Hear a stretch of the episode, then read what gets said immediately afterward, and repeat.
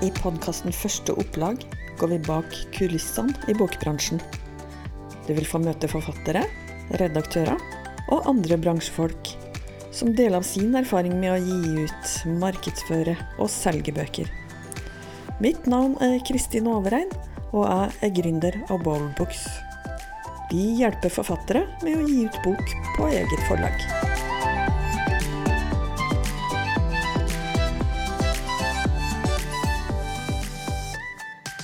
Gjesten i denne episoden er mest kjent for mange som tidligere politileder i Oslo og fra Åsted Norge på TV 2.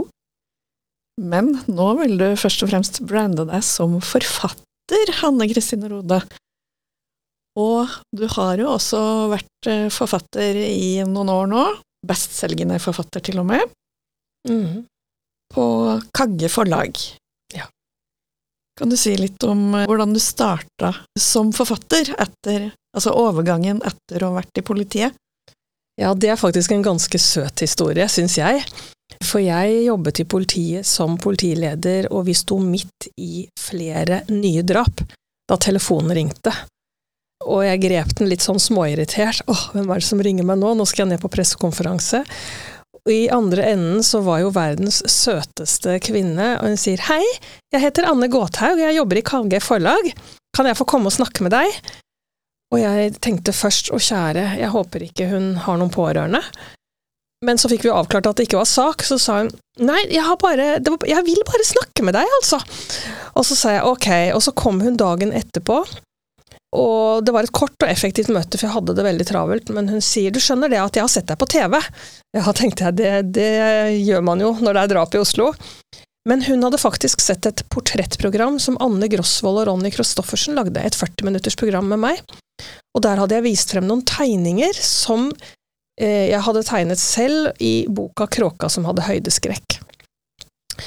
Og hun sier, ringer Erling Kagge, forteller hun, eh, samme kveld, og sier du, hun derre politidama, hun er jo kreativ! uh, skal vi få henne til å skrive for oss, eller? Og det, ikke sant, det var hennes oppgave den dagen. Og jeg så på henne, og jeg husker jeg tenkte hvorfor lot jeg henne komme hit? Jeg har ikke tid. og så er jeg ganske godt oppdratt, så jeg sa ja, det er sikkert koselig, men det har jeg ikke tid til. Jeg har jo ikke tid til å skrive julekort engang. Nei, nei, nei, nei, jeg ser du har mye å gjøre, men du Og så trakk hun opp visittkortet sitt, og så la hun det under fasttelefonen på pulten min, og så sa hun blitt. eh, Hun sa ikke hvis, vet du. Hun sa når du ombestemmer deg, vet du, da ringer du meg. og dette var i januar 2011. Og jeg tenkte det skjer ikke, jeg har jo aldri gått med en forfatterdrøm i magen, selv om jeg alltid har likt å lese og skrive og snakke, altså kommunikasjon. Ja. Og så går vi jo ja, gjennom året og kommer til eh, juli 2011, og da fikk vi jo terror. Og så fikk jeg et terroravsnitt på den seksjonen jeg ledet, og det hadde jeg jo aldri drømt om, at vårt lille land skulle rammes av terror. Um, og så kommer vi til romjula, og da hadde vi to langtidssyke barn, og min svigerfar, altså barnas farfar, han hadde vært inne i en krevende terminalfase, han døde i august, så det var på en måte bare sånn slag på slag med fartsdumper. Og så går jeg rundt Sognsvann sammen med gubben, da, og så sier jeg i romjula, død jeg lurer på om jeg skal ringe hun Anne Gåthaug, jeg. Jeg trenger noe nytt inn i livet mitt. Og da ble han litt bekymret, for han lurte på hvor mye nytt jeg ville ha. og så sa jeg ikke så mye. Men eh, så ringte jeg henne da 2. januar 2012, omtrent ett år etter første gang. Og så sa jeg hei, det er Hanne Kristin Rode. Ja, sa hun. Og så hadde vi lunsj noen dager etterpå, og så sier hun begynn å skrive. Og da fikk jeg helt panikk, for jeg tenkte jeg vet ikke hva jeg var høy på i jula, jeg drikker jo ikke engang. Og, så sa hun du skjønner at dette får du til, men hva har du lyst til å skrive?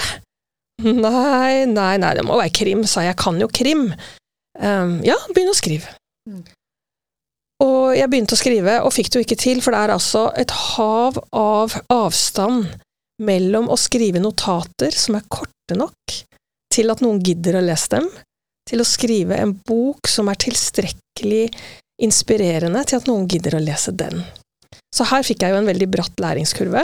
Mm. Eh, men jeg tenkte ja ja, dette har jeg jo lyst til, så da gjør jeg det. da. Og så jeg begynte jo med masse sånne tankekart som jeg lærte på skolen, og hadde A3-ark i hele stuegulvet. Uansett hvor du gikk, så trodde du på et tankekart. Men da lagde jeg jo Vilma, som har min jobb i politiet, og hennes NK Bjarne, som er av den gamle skolen. Det er lettere å få tilgivelse enn tillatelse, vi bare gjør det sånn. Eh, fanget litt politikultur der. Så da var jeg i gang. Eh, og den boken kom jo da ut halvannet år senere. Og da var jeg så heldig at den ble den tredje mest solgte skjønnlitterære boka det første halvåret. Hei. Så da DN ringte meg da og lurte på et intervju basert på det, så måtte jeg ringe Anne Gåthaug og sjekke du er det P45 på, eller er dette sant? yes, det var litt av en debut. Ja, det var en pangstart, og det skyldtes nok også at jeg var kjent, og at jeg hadde vært sykemeldt lenge, og folk var nysgjerrig. Mm. Men eh, det har jo fortsatt å gå bra, da. Mm. Så jeg er jo veldig, veldig takknemlig for det. Uh, og jeg har jo skrevet uh, veldig tett på politiet, og så kjenner jeg nå, når bok nummer seks kommer til sommeren 2023, den heter Kjærlighetssvindel, da er jeg i Risør. Jeg sier jeg, altså Vilma og Bjarne. Og det blir et annet klima, et annet miljø. Så får vi se hvor veien blir. Mm. Så det var starten.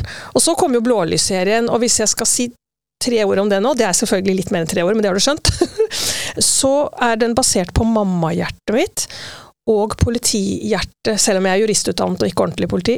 Men jeg husker nemlig at det var en ung, nydelig gutt som ble innbrakt til Manglerud politistasjon på 90-tallet fordi han hadde plaget en katt i hjel, og det var en så grusom dyrevernsak. Og jeg husker jeg gikk forbi kontoret der han skulle avhøres, eller noen forebyggere og etterforskere skulle snakke med han, og jeg får bare et blikk på han, og så er han så skjønn, og han er under 15, og jeg husker jeg tenkte hvordan kunne du? Hva gikk feil? Og det er jo driveren min i Blålys-serien, hvor det nå er syv bøker. At jeg tar opp nakenbildedeling og narkotika og tagging og tyveri og mobbing og ja, alt det ungdommer kan møte, i håp om at hvis de har lest det, Mm. så kanskje får de lyst til å tenke seg om før de gjør noe dumt. Ja.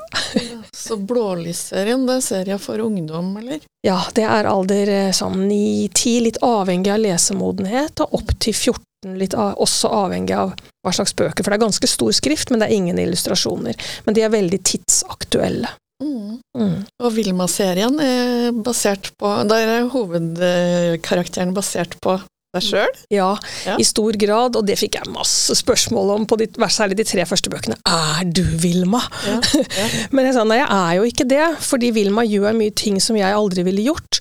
Men eh, veldig mye av dialogene og hersketeknikkene og frustrasjonene er nok ja, ganske mye mine egne. Mm. Um, og det har jeg jo skjønt når jeg får, eller møter folk på gata, fordi jeg er et kjent fjes, så er det jo mange som stanser. Og da skjønner jeg at de har bitt seg fast i episoder som kanskje ikke nødvendigvis har med selve krimplott å gjøre, men som handler om det medmenneskelige. Ja. Mm. Og da er jeg veldig glad, for jeg mener at mine krim skal ikke bare være jakten på løsningen, det skal også være at vi lever et liv. Mm. Mm. Så jeg kaller det lun krim, jeg, da. ja.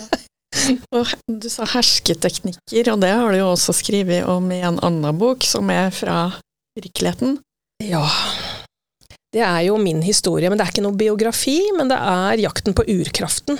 Um, Tittelen er jo 'Kjemp for alt hva du har kjært', ikke helt ukjent verselinje fra en salme, men jeg syns det er fint, for jeg tenker det vi har aller mest kjært, uansett hvor edle vi pleier å, eller ønsker å være, det er oss selv. Hvis ikke jeg funker, så kan jeg ikke være en ressurs for deg. Så jeg må få surstoff, jeg må ta vare på meg selv, og derfor så må jeg også kjempe for det jeg har kjært, altså min eh, person, min sjel, min tanke, mm. uten at det skal gå utover andre. Og det er på en måte clouet i den boka, da. Mm. Den boka har du reist til land og strand rundt med, holdt foredrag også? Jeg har holdt masse foredrag basert på den, og da ser jeg jo folk gråter, og de ler, og det er veldig gjenkjennelig at det er fartshumper, at vi blir utsatt for hersketeknikker, at vi snakker oss selv ned. Å, jammen flaks at jeg eh, ble invitert dit, ellers så hadde det aldri det gått. Det var jammen flaks de ikke stilte meg spørsmål på møter, for da hadde de ikke skjønt at jeg ikke kan. Ikke sant? Det var jammen flaks at ikke det var flere søkere til stillingen, for da hadde sikkert ikke jeg fått den. Sånn holder vi på hele tiden. Det er den indre dialogen som driver og saboterer oss. Og jeg mener jo at eh, Eh, ja, som jeg sa, hvis jeg skal greie å være en ressurs, så må jeg um, være godvenner med meg selv. Jeg må like meg selv, og jeg må tørre å si at dette er jeg veldig god på. Jeg er sabla god på akkurat dette. Så kan jeg bli bedre på det. Og da blir jeg mindre angstbitersk, og jeg blir en større kraft for deg. Jeg blir ikke farlig. Jeg blir mindre farlig jo sterkere jeg er, hvis styrken er sunn, da, for å si det sånn. og noe av den kraften er nok viktig for forfattere hvis, hvis man skal gjøre sånn som du har gjort, da, å kombinere bok og foredrag. Ja. Fordi da må man jo være modig for å tørre å stå på en scene. Å snakke til et publikum, det jo, for noen er jo det verre enn døden. ja, og det er jo mange som tenker sånn, og tro det eller ei, altså. Men jeg eh, var livredd for å snakke til mer enn tre personer i rommet fram til jeg var omtrent 30. Oh. Eh, jeg husker marerittet på skolen, man skulle rekke opp hånden, og du fikk beskjed om å være aktiv i timen. Ja, ja. Og jeg løste jo det ved å pugge leksene. altså Jeg satt og pugget i timevis, sånn at jeg visste jeg kunne svaret. Og allikevel svelget jeg feil og var svimmel og svettet og skalv og hostet og ja. Men jeg bestemte meg for at dette vil jeg gjøre, for jeg kjente at jeg kjente en dragning mot å gjøre det. Enda jeg var livredd. Ja. Så jeg øvde på å snakke meg selv opp, stå i skogen og rope 'jeg er fantastisk, jeg er dødsbra', og le av meg sjøl og gå videre og låne en bikkje, og vi hoppet tigerguttleken innover i skogen, og jeg hylte 'jeg er dødsbra'. gjorde du det? jeg gjorde det. Jeg fikk beskjed av en coach, og nå ja. vet vi at dette er eh, sånn kognitiv atferdstrening. altså hvis du trener bare negative tanker og katastrofetanker i hodet ditt, så er det det du blir god på. Ja. Det du gir, det er det du får. Mm. Hvis jeg gir bort dårlig energi, så får jeg dårlig energi tilbake. Eh, så jeg jobber veldig, veldig mye med det, og det gjorde jeg jo da også på 90-tallet. Og det er klart at ja, en liten gøyal episode. Jeg gikk i andre gym. Vi er i 1978 eller 79, og det var elevrådsmøte.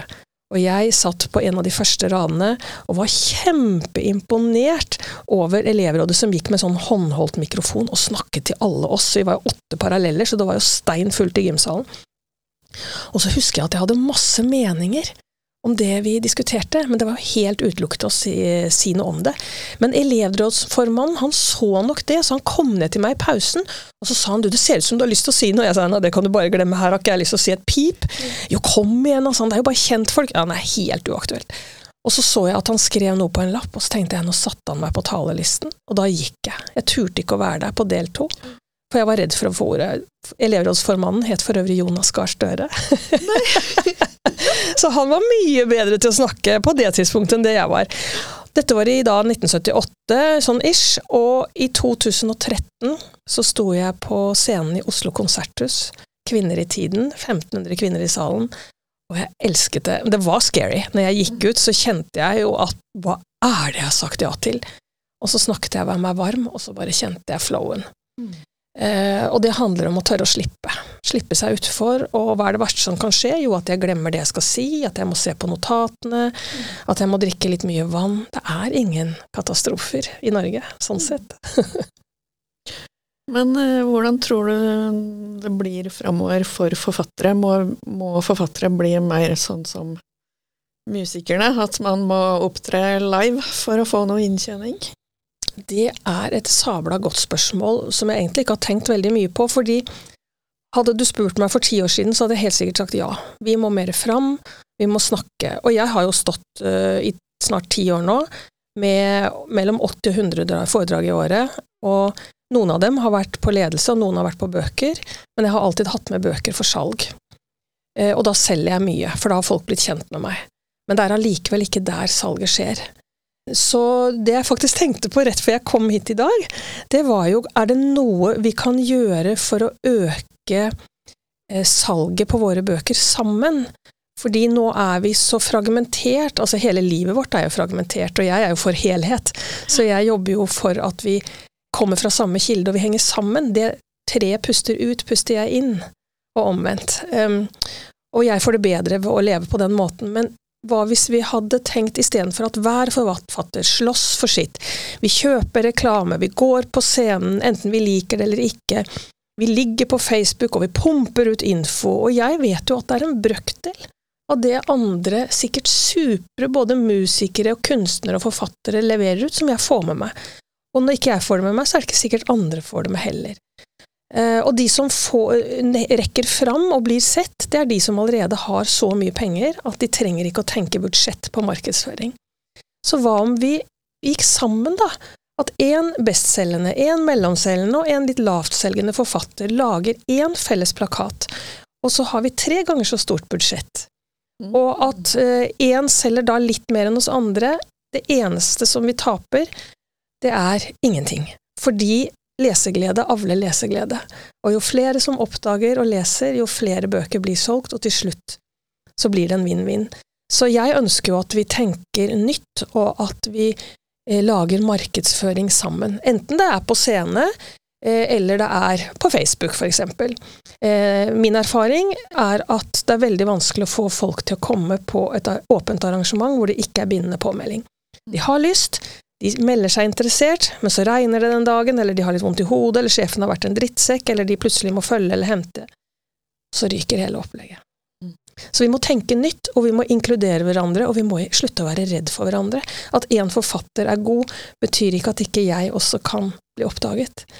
Det betyr at vi må hjelpe hverandre, tenker jeg.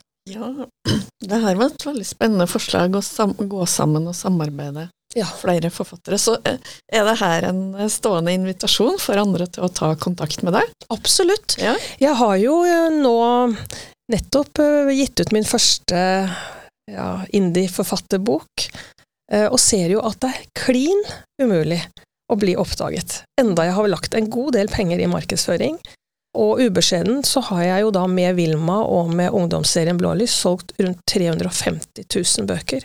Oi. Så jeg er jo en uh, ganske høytselgende forfatter i Norge. Veldig. Også, ja. Og jeg er et kjent ansikt gjennom politiet og Åsted Norge. Mm. Og det å komme med min egen bok på mitt eget Moonlight forlag, det er veldig gøy. Altså det er sabla gøy, ja. uh, men det blir ikke sett. Det blir ikke oppdaget. Til og med ikke Jeg så du hadde over 60 000 følgere på Facebook-sida di, faktisk. Ja. Men eh, likevel så er det vanskelig for å nå ut, altså. Ja, um, sånn som jeg ser det. Nå har jeg ikke sjekket tallene på sentrallageret, men jeg ser jeg har 150 bøker hjemme. Nå har jeg kanskje 130. Mm. På en måned er 20 bøker. Kanskje det er litt mer, faktisk, for jeg var på en konferanse, og der solgte jeg nok 20. Men la oss si jeg har solgt 50 bøker på en måned, da. Det er ingenting. Um, sånn at um, og, og, så vet jeg at vi må ta tiden til hjelp, og jeg har det ikke travelt. Uh, jeg bare tenker at det skal være mulig. Ja. Jeg vet det er mulig. Det er bare noe vi gjør feil. Alle sammen tror jeg gjør noe feil. Mm. Mm. Vi tenker fragmentert. Vi tenker at jeg er meg, og du er deg, og du velger det, og jeg velger dette. Mens det eneste som funker på sikt, det er at vi connecter. Ja, vi mm. må connecte. Mm. Du har med deg den boka her. Ja. Du må jo si hva slags bok det er, hva den heter, og hva den handler om, og hvem den er for. Ja, dette var jo en idé jeg fikk da, fordi jeg visste at da jeg var liten, så elsket jeg å lese fra jeg var liten. Og jeg har, jeg har to sønner, og jeg ser hvor lite de leste. Jeg fikk jo til og med høre 'mamma, bøker er gammeldags'. Da sleit jeg litt, altså, det må jeg innrømme. Mm. Men dette, denne heter 003-agentene og hemmeligheten. Og for oss som har vokst opp med uh, James Bond, ja. så håper jeg assosiasjonen går liksom 003, 009, eller 007, mener jeg. Um, men uh, dette er tre små barn i tredje klasse. Og da ble de 003-agentene. Ja. Uh, litt tungt å si, men jeg syns den var morsom. Mm. Og så ønsket jeg at det skulle være en lun fortelling, og jeg har oppdaget, um, for jeg treffer jo veldig mange mennesker, at det er veldig mange som faktisk ikke liker krim og mysterier, som syns det er skummelt, som ikke vil utsette barna sine for det, eh, som er redd det skal være noe stygt og farlig. Eh, den, men dette er et lite mysterium, for det er jo liksom det jeg syns er morsomt. Men det handler om mer om å stole på og tørre å være modig, enn at noe er farlig. Eh, så det er Hanna og Oskar og Ingrid som går i tredje klasse, som da får veldig kjeft av en nabo fordi de kaster snøballer, og én snøball treffer den nye Teslaen hans, og han går bort og tørker den med et lommetørkle. Og ser en ripe i lakken, og Oskar får skylda. Og hvordan blir det å være Oskar hvis alle i gata tror at han driver og bulker biler, ikke sant. Og dette blir disse tre veldig opptatt av, øh, for det er så urettferdig å bli beskyldt for noe du ikke har gjort. Og så viser det seg jo at det er samboeren til eh, Andreas med Teslaen, Vegard, som faktisk har rygget på med sin gamle bil. Og så har han ikke turt å si det, for han visste at Andreas ville klikke. Og det er jo hemmeligheten. ikke sant? Det å bære på en hemmelighet istedenfor å si det som det er, det er kanskje noe av det verste. Så det er ikke skumlere enn det, men det, vi blir jo kjent med den pensjonerte politihunden Torvald. Eh, og ja, litt skummelt blir det jo. Eh, men eh, og så har jeg benyttet Boldbooks langs hele linja, til redaktør og til språkvask og korrektur og design. Nydelig med Christina Winther. Og hatt det veldig gøy og lært veldig mye, for det var motivasjonen min. Aller, aller først, det var hvordan er det å gjøre alt selv? Hva er det egentlig det betyr? Og jeg kjenner jo at jeg syns det var veldig vanskelig. Eh, fordi luksusen på et forlag er at du skriver det og leverer det, og så kan du skrive på noe annet. Eh, mens her må jeg tenke hele veien. Eh, men det er jo klart en første gang for alt. Når man blir litt mer rutinert, så tipper jeg at det går litt mer av seg selv. Men det er jo salget og synligheten som er den store bøygen. Men det er det også i et forlag. Ikke sant? Så det er ikke den store forskjellen, nødvendigvis. Ja. Ja, så var det, var det, det som var motivasjonen din for å gi ut uh, bok på eget forlag, at du ville bare prøve hvordan det var? Hva som var forskjellen? Det var den aller første motivasjonen. Uh, dette må jeg prøve å finne ut av.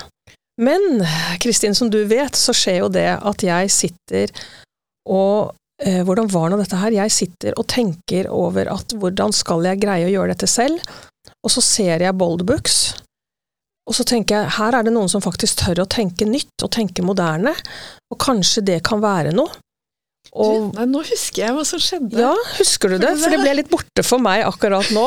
Fordi Jeg hadde glemt det, men du sa Fordi jeg tok kontakt med deg, men akkurat da hadde du begynt å kikke på den boka jeg skrev ja. for en del år siden, gi ut din egen e-bok, som ja. du hadde kjøpt, men ennå ikke begynt å lese. Helt riktig, sånn var det. Sånn var det. Mm. Jeg sitter da hjemme og har tenkt å skrive egen bok, og har kjøpt din bok, 'Hvordan gi ut egen bok'. Og mens jeg sitter og blar i den, så ringer det et ukjent nummer for meg. Og så er det da forfatter Kristin Overrein som ringer meg, og det er jo den helheten jeg lever etter. Den, noe vil kalle det tilfeldig, men mitt liv er fullt av sånn. Det er den synkronisiteten, og da skjønte jeg ja, men han Kristin, dette skal du faktisk gjøre. Ja. Og så ble, snakket vi sammen, og så ble jeg veldig imponert over alle tankene dine, og tenkte at dette må vi få til.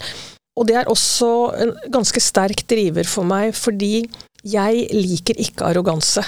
Jeg liker ikke at noen føler seg bedre enn andre. Vi vet alle at noen resultater er bedre enn andre resultater, men det er ikke en opplest sannhet at de som gir ut og er medlem av Den norske forfatterforening, de er best og at de som eh, gir ut selv, at de er dårlige.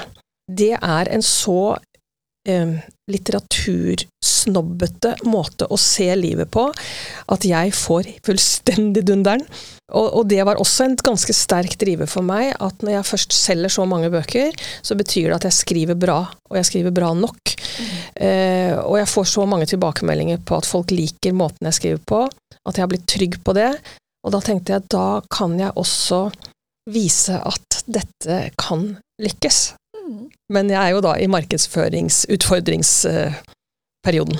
Ja, mm. den er jo nettopp kommet ut, den boka ja. her, så mm. man må prøve litt forskjellige grep ja. for å selge. Um, kan du fortelle litt om Du fikk det til å høres veldig lett å gi ut på etablert forlag. At du bare skriver teksten og sender fra deg, så blir det ferdig bok. Det er vel litt mer noen runder og litt fram og tilbake der òg? Absolutt. Ehm, det er, eh, i hvert fall for meg, beinhard jobbing. Jeg leverer noe som jeg jo selvsagt vet dette er ikke 100% ehm, Men ehm, jeg leverer det, og så får jeg det tilbake med de sedvanlige 'dette er troverdig', 'dette er ikke troverdig', 'her må du stryke', 'her bør du sånn og sånn'. Og så er det en lang, et langt møte med redaktøren, eh, hvor jeg forklarer, og han forklarer, og når Hans Petter lener seg frem og sier 'Hanne Kristin, jeg vet jeg har rett', da vet jeg at jeg må gi meg. eh, men det går jo også andre veien, at dette har jeg faktisk ikke tenkt å gi meg på. Men eh, det er den harde jobbingen, og der har jeg jo et helt forlag som eh, sørger for språkvask og korrektur. Jeg trenger ikke å tenke på det, jeg får det til gjennomsyn, vi diskuterer hvis det er noe spesielt. Har gode møter, men jeg trenger ikke å tenke på verken frister eller hvem jeg skal velge. Men det er jo på godt og vondt, selvsagt. Eh, Men jeg opplever at jeg får da et pusterom til eventuelt å skrive synopsis til en ny bok, eller ta meg en uke ferie, eller dra og holde noe foredrag. Mens det er mer eh, praktisk arbeid når du er indie-forfatter. Det er mer man skal tenke gjennom. Sånn at eh, jeg opplever at jeg må være villig til å ja, gjøre alt Mm. selv om jeg outsourcer og kjøper. Ja. Eh, men jeg syns det var gøy, og jeg stilte jo plutselig mye høyere krav til meg selv.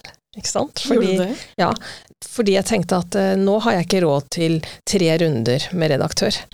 Nå, nå må jeg gjøre det så godt som mulig. Men det ble to runder, og det var fordi jeg sa vet du hva, jeg er ikke fornøyd, jeg må kjøpe en runde til. Mm. Ikke sant, sånne ting. Så det var jo fordi jeg tenkte at nå må jeg ikke slakke på kravene her. Nå må jeg ta meg selv på alvor. Ja. Mhm. Det sies jo at um, også forfattere på etablerte forlag er nødt til å eh, jobbe en del med salg og markedsføring. Ja. Uh, har du opplevd det? Ja da, absolutt. Og der vet jeg ikke hvor stor forskjell det egentlig er. Eh, men, men grunnen til at jeg ikke kan si det sikkert altså Jeg har et veldig veldig godt forhold til Kagge forlag, bare sånn at det er 100% uttalt og opplest og vedtatt. Jeg har ikke flyktet, jeg kommer til å være hos dem på de etablerte seriene, og kanskje på andre bøker. Eh, så det er ingen motstrid. Eh, men som alt annet i livet så er Ole Brumm både og en veldig, veldig fin vei å gå.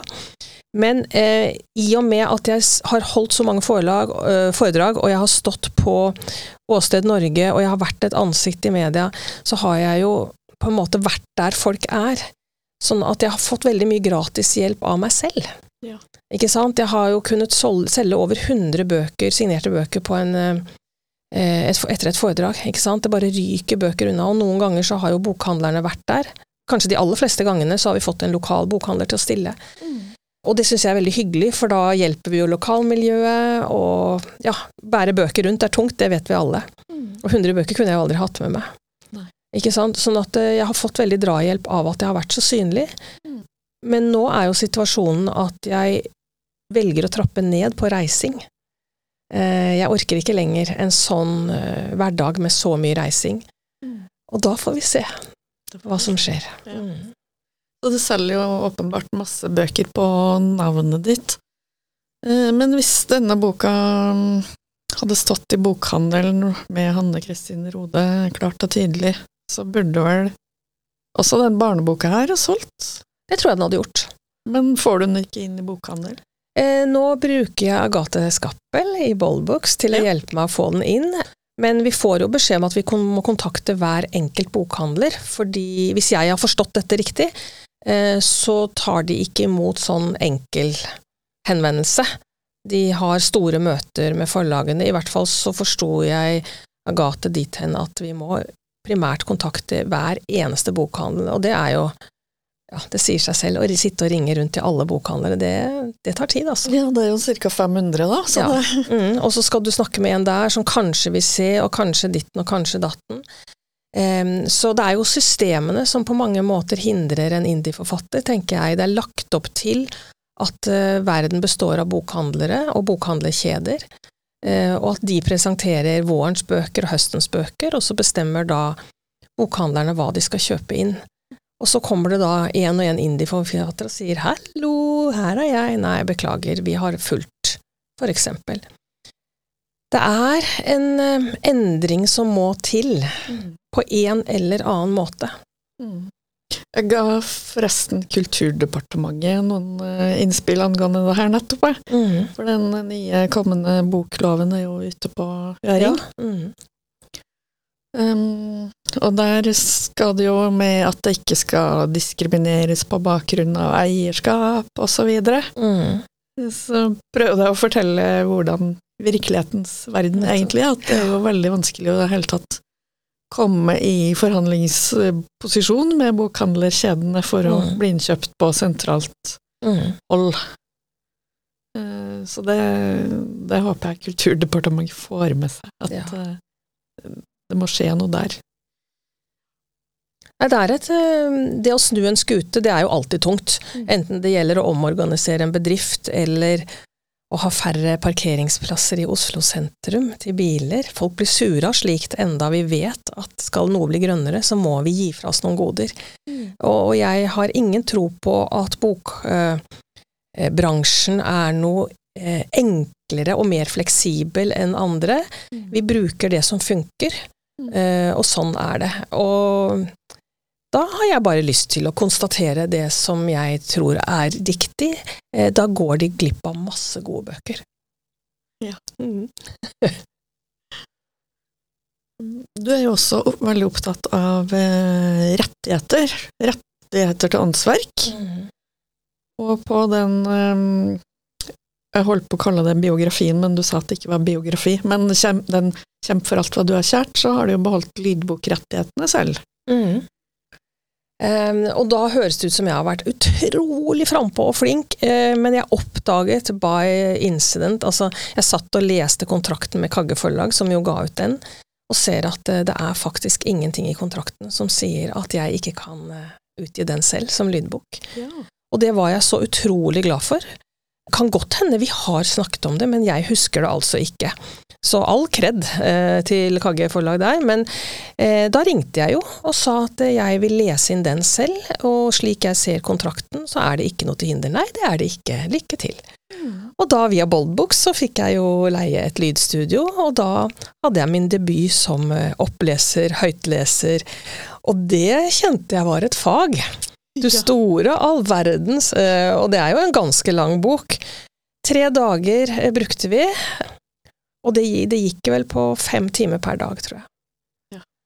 Eh, og der er det jo pirkete, ikke sant, så er det et sånt lite eller sier du ordet litt sånn halvveis riktig, så kommer jo lydteknikeren inn, og så må man lese det om igjen. Men jeg ble jo bedre, da, etter hvert som dagene gikk. Det kjente jeg. Og det er jo en bok som jeg ikke kunne la andre lese. Det måtte være min frekvens og min energi på de ordene. Det måtte faktisk. Men jeg er veldig stolt av det, og nå er den også på Storytel og på Fabel og på flere andre strømmetjenester, og det syns jeg var gøy, altså. Ja, De tok den inn. Og jeg, det var ingen selvfølge at uh, de tok den. Mm. Så det håper jeg jo selvsagt vil eh, bli oppdaget.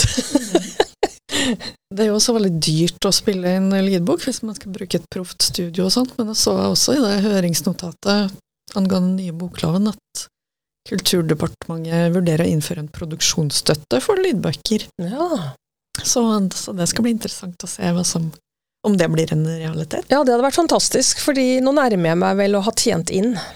Og det er et år siden, vel. Jeg satt i studio. Det var i 19... Nei, det var, var det 2020? 2020 var det, det to år siden. Eh, og så går det et år før den kan strømmes, ikke sant. Men eh, jeg eh, Ja, jeg nærmer meg vel snart at jeg begynner å gå i pluss. Ja, ja, men det er jo ikke verst. Nei. Her kan du leve i veldig mange år ennå. Livet blir jo aldri foreldet, så boka kan leve. Mm. Men tilbake til den ideen du hadde om at flere indie-forfattere kunne gå sammen å markedsføre seg. Mm. Det syns jeg er en veldig spennende tanke. Vi i Ballbooks eh, er jo i kontinuerlig utvikling, og også prøve å finne måter å synliggjøre forfattere på, og tenke nytt. Så kanskje vi burde tenke litt sammen, eh, om det er noe vi kan bidra med der. Ja, det hadde vært helt fantastisk, fordi at eh, ja, jeg er jo vant til et ord som oppdagelsesrisiko fra politiet. Da handler det selvsagt om hvor stor sjanse er det for å bli oppdaget hvis du begår kriminalitet. og den er faktisk ganske liten. Bedrøvelig liten. Og da kan jeg jo trekke en analogi. Hvor stor oppdagelsesrisiko er det for å bli oppdaget som forfatter? Og den er også faktisk ganske mye lavere enn det noen ønsker. Fordi jeg tror de aller aller fleste er enige om at bøker er viktig. Det er viktig for barns utvikling og ungdomsutvikling. Det er viktig for måten vi formulerer oss på, det å utvikle ideer, være nysgjerrig og fleksibel. Og det slår meg når jeg sitter her, jeg har faktisk ikke tenkt på det før jeg sitter her i studio, at ja, vi kan jo markedsføre sammen og dele på utgiftene. Altså vi kan få mye mer markedsføringsbudsjett. Men når vi vet hvor vanskelig det er å komme inn i bokhandlere, kunne da for eksempel Boldbooks hatt en eller flere ansatte som velger ut indie-bøker som man presenterer i en vårkatalog og en høstkatalog. Kanskje det kunne vært noe? Mm. Absolutt. Nå følte jeg at jeg var ganske innovativ. Fordi ja. dette her er en av akilleshælene, tror jeg. Nettopp det. Det er svært få forfattere som har tid eller lyst eller overskudd, som kan nok om systemene til å sitte og ringe 500 bokhandlere. Mm. Og som tar den kampen som det blir. Uh, mens hvis vi hadde gått sammen og ikke vært så redd for å tape i skyggen av en annen, mm. og, og, faktisk uh, brukt hverandres kompetanse og gode energi Jeg er jo et menneske som er opptatt av helheten. Uh, så er jeg helt sikker på, om ikke det kliner til på første forsøk, så vil det etablere seg en større forståelse for at her er det søren meg mye bra. Mm. mm. Det her skal vi virkelig spinne videre på og snakke mer om etterpå, tror jeg. Mm. Ja, veldig lurt. Mm. Men um, hva er din oppfatning om holdninger i, i, bransjen og i samfunnet til selvpubliserte bøker nå? Er det sånn at man fortsatt tenker at er det dårlig fordi man ikke er gitt ut på et stort forlag, eller? Ja, jeg tror det er en gjengs holdning. Jeg tør ikke å si om det er det blant publikum, men det er jo blant uh, elitesnobben. Um, som jeg litt uærbødig kaller dem, fordi det er en ganske markant vilje til å holde andre nede blant de som har uh, Blant enkelte, altså jeg understreker det absolutt ikke alle, blant enkelte med høy røst og kvass penn. Og det eh, vinner vi ingenting på. Og det er klart at det, det jeg syns er det beste argumentet Jeg liker ikke å gå i krig. Jeg liker ikke å krige og si at du er dum, eller du er dårlig. Men eh, det, det, som er viktig, er at det er like mange meninger om en bok som det er mennesker på jorda, og vi er nå åtte milliarder, hørte jeg på radioen her denne uka. Eh, noen mennesker liker legeromaner, som er forhatt i elitesnobben. Noen liker bøker som er så avanserte, så intellektuelle, så eh, pikante i språket at til og med sånne som meg, jeg har universitetsutdannelse, jeg greier ikke de bøkene, jeg skjønner ikke bæret av hva det handler om. Eller, hvis jeg skjønner det, så greier jeg ikke å henge med på at dette er spennende nok. Det blir for langsomt, eller det blir for intrikat, eller det blir for For smalt, på en måte. Så hvorfor skal vi beskytte det opphøyde og snakke ned det enkle, når det enkle kan være det som gjør mange flere lykkelige? Mm. Mm. Er. Mm. Så jeg jeg bare vet hvilken enorm leseglede jeg hadde som barn, og hvor mye det betydde for meg å sitte i sofaen eller ligge på magen i gresset og lese. At jeg vet at uh, mange flere burde både sette av tid og ha råd til å lese. Mm. Hvilke tanker har du om bokbransjen framover, da? Jeg er jo ikke den som kan mest, men jeg har jo erfart litt, eh, og jeg er helt sikker på at bokbransjen må bli mer fleksibel og mer nysgjerrig. Og det gjelder egentlig oss alle. Det er jo et ankepunkt jeg har mot vitenskapen generelt. Det er kommet mye bra, men nysgjerrigheten har drukna i beinharde konklusjoner.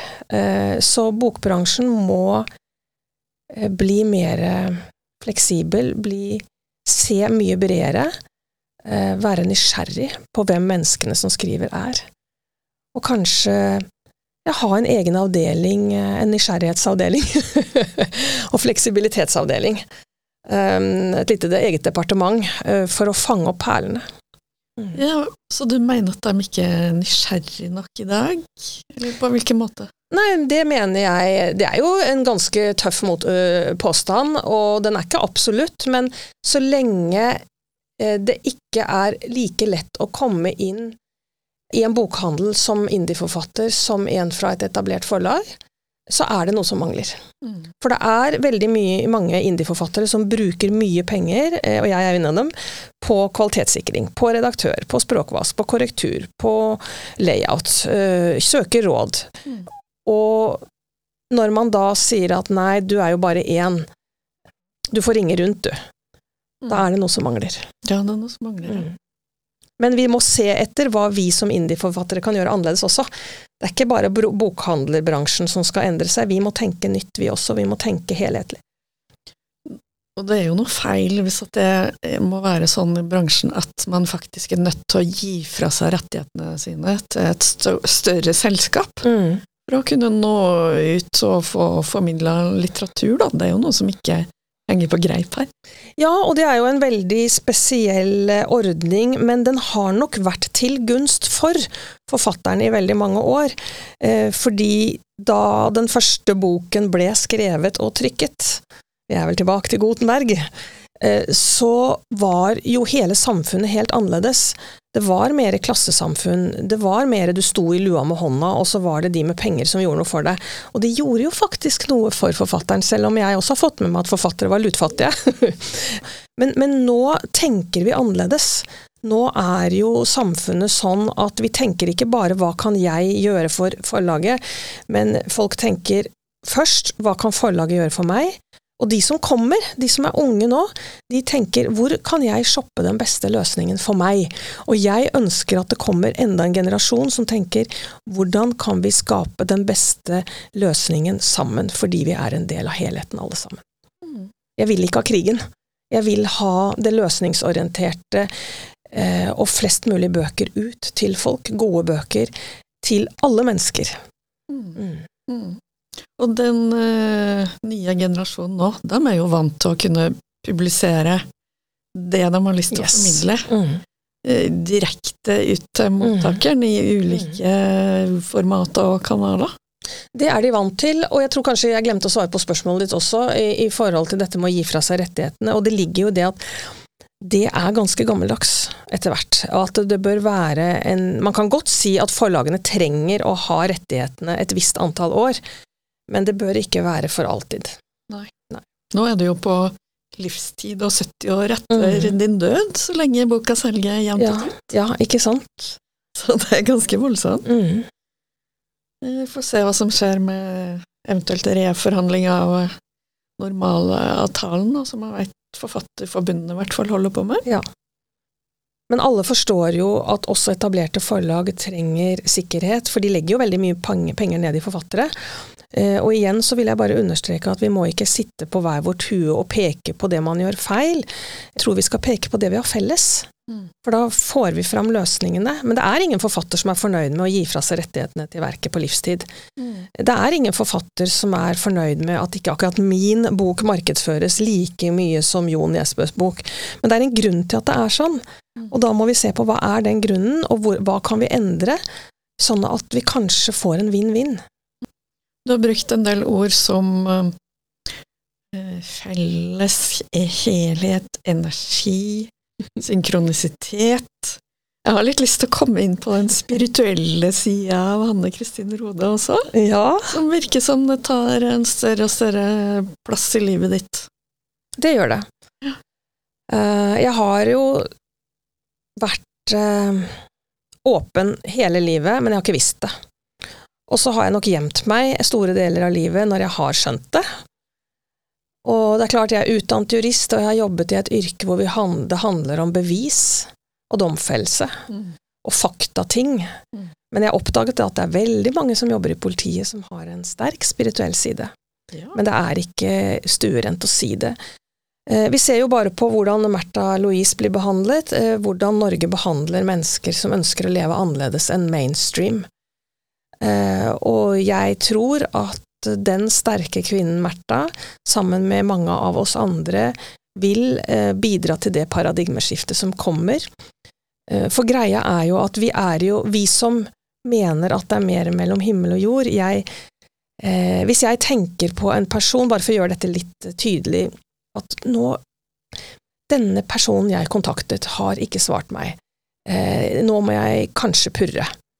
Og så satte jeg meg tidligere ned og purret, og når jeg tenker den tanken nå, så vet jeg at nå trenger jeg ikke å purre, for nå får jeg svar i løpet av en dag, og det får jeg alltid. Så det er en synkronisitet i universet um, som er mye større enn tanken og oss, og det er derfor jeg snakker om helhet, vi kommer fra samme kilde. Og vi skal jo ikke tilbake til middelalderen og bli overtroiske, men vi skal bruke den kunnskapen vi har til å slutte å dele oss opp i biter hvor vi blir, får et større og større ego. Hvor vi heller tenker at vi har mye mer felles enn det som skiller oss, og at vi kan få support fra eh, gode krefter fra source of creation hvis vi vil. Og jeg vil. Og der lever jeg, og du verden så gøy jeg har det. og du er i hvert fall ikke redd for å gå utafor mainstream da, med å gi ut selv. Og så får du jo inn også det fellesskapsperspektivet ved at du nå inviterer andre, spesielt barnebokforfattere, da, til å samarbeide om et markedsføringsstunt, som jeg forsto det? Ja. ja. Eh, jeg syns at vi skal være flere som samarbeider, og da kan vi høyne markeds... Eh, altså reklameutgiftene våre. Mm. Fordi vi faktisk er flere til å dele på det. Mm. Og så oppfordrer jeg Boldbooks til å lage et lite sånn eh, departement for uh, innsalg vår og høst. ja, eh, og se om vi kan få til noe gøy der. Ja, ikke sant. Mm. Helt til slutt, da. Jeg bruker å spørre forfattere om de har uh, om tre gode tips til andre som vurderer å gi ut sin egen bok. Har du noen tips å komme med? Ja. Um, sånn helt tatt på sparket, og det er jo ofte det beste, det første som kommer. Ja. Uh, stol på deg selv. Hvis du faktisk uh, tror du kan, så kan du. Uh, det andre, det er jo å være grundig. Vær kritisk. Altså, dette er ikke noe venstrehåndsarbeid. Du må være villig til å gjøre det som trengs. og det siste, det er å ikke bry seg om hva kritikere sier, for det Ja, nå skal jeg være litt stygg. Det, den måten det fungerer på i dag, er en utdøende rase. Det har ikke mulighet til å overleve, for det er basert på å snakke andre ned istedenfor å snakke de bøkene som er gode, opp. Mm. Mm. Har du noe nytt bokprosjekt på gang? Ja, du nevnte vel det, det blir en ny krim? Ja da, vet du hva, jeg har mye. Jeg har eh, jo veldig lyst til å skrive enda en bok i 003-agentene, men jeg må ha dekket en del av utgiftene først. Mm. Så det kommer litt an på hvordan salget går. Mm. Eh, så kommer det en ny Vilma Lind-krim eh, som jeg er godt i gang med. Har to gjennomskrivinger. Den kommer i juni. Og så har jeg skrevet den åttende blålysboka, som vel også kanskje kommer til våren eller i august. Og så går jeg svanger med en samtidsroman, men den vil jeg ikke si hva skal handle om. Oi, mm. Ja. Så jeg kunne lagt til et fjerde moment på råd til nye forfattere. Du må like det. Jeg elsker å sitte og skrive. Jeg blir helt timeless. Jeg nyter det. Det er beinhardt arbeid. Men det er liksom dette jeg vil, da. Og da er jeg helt sikker på at det er verdt tiden.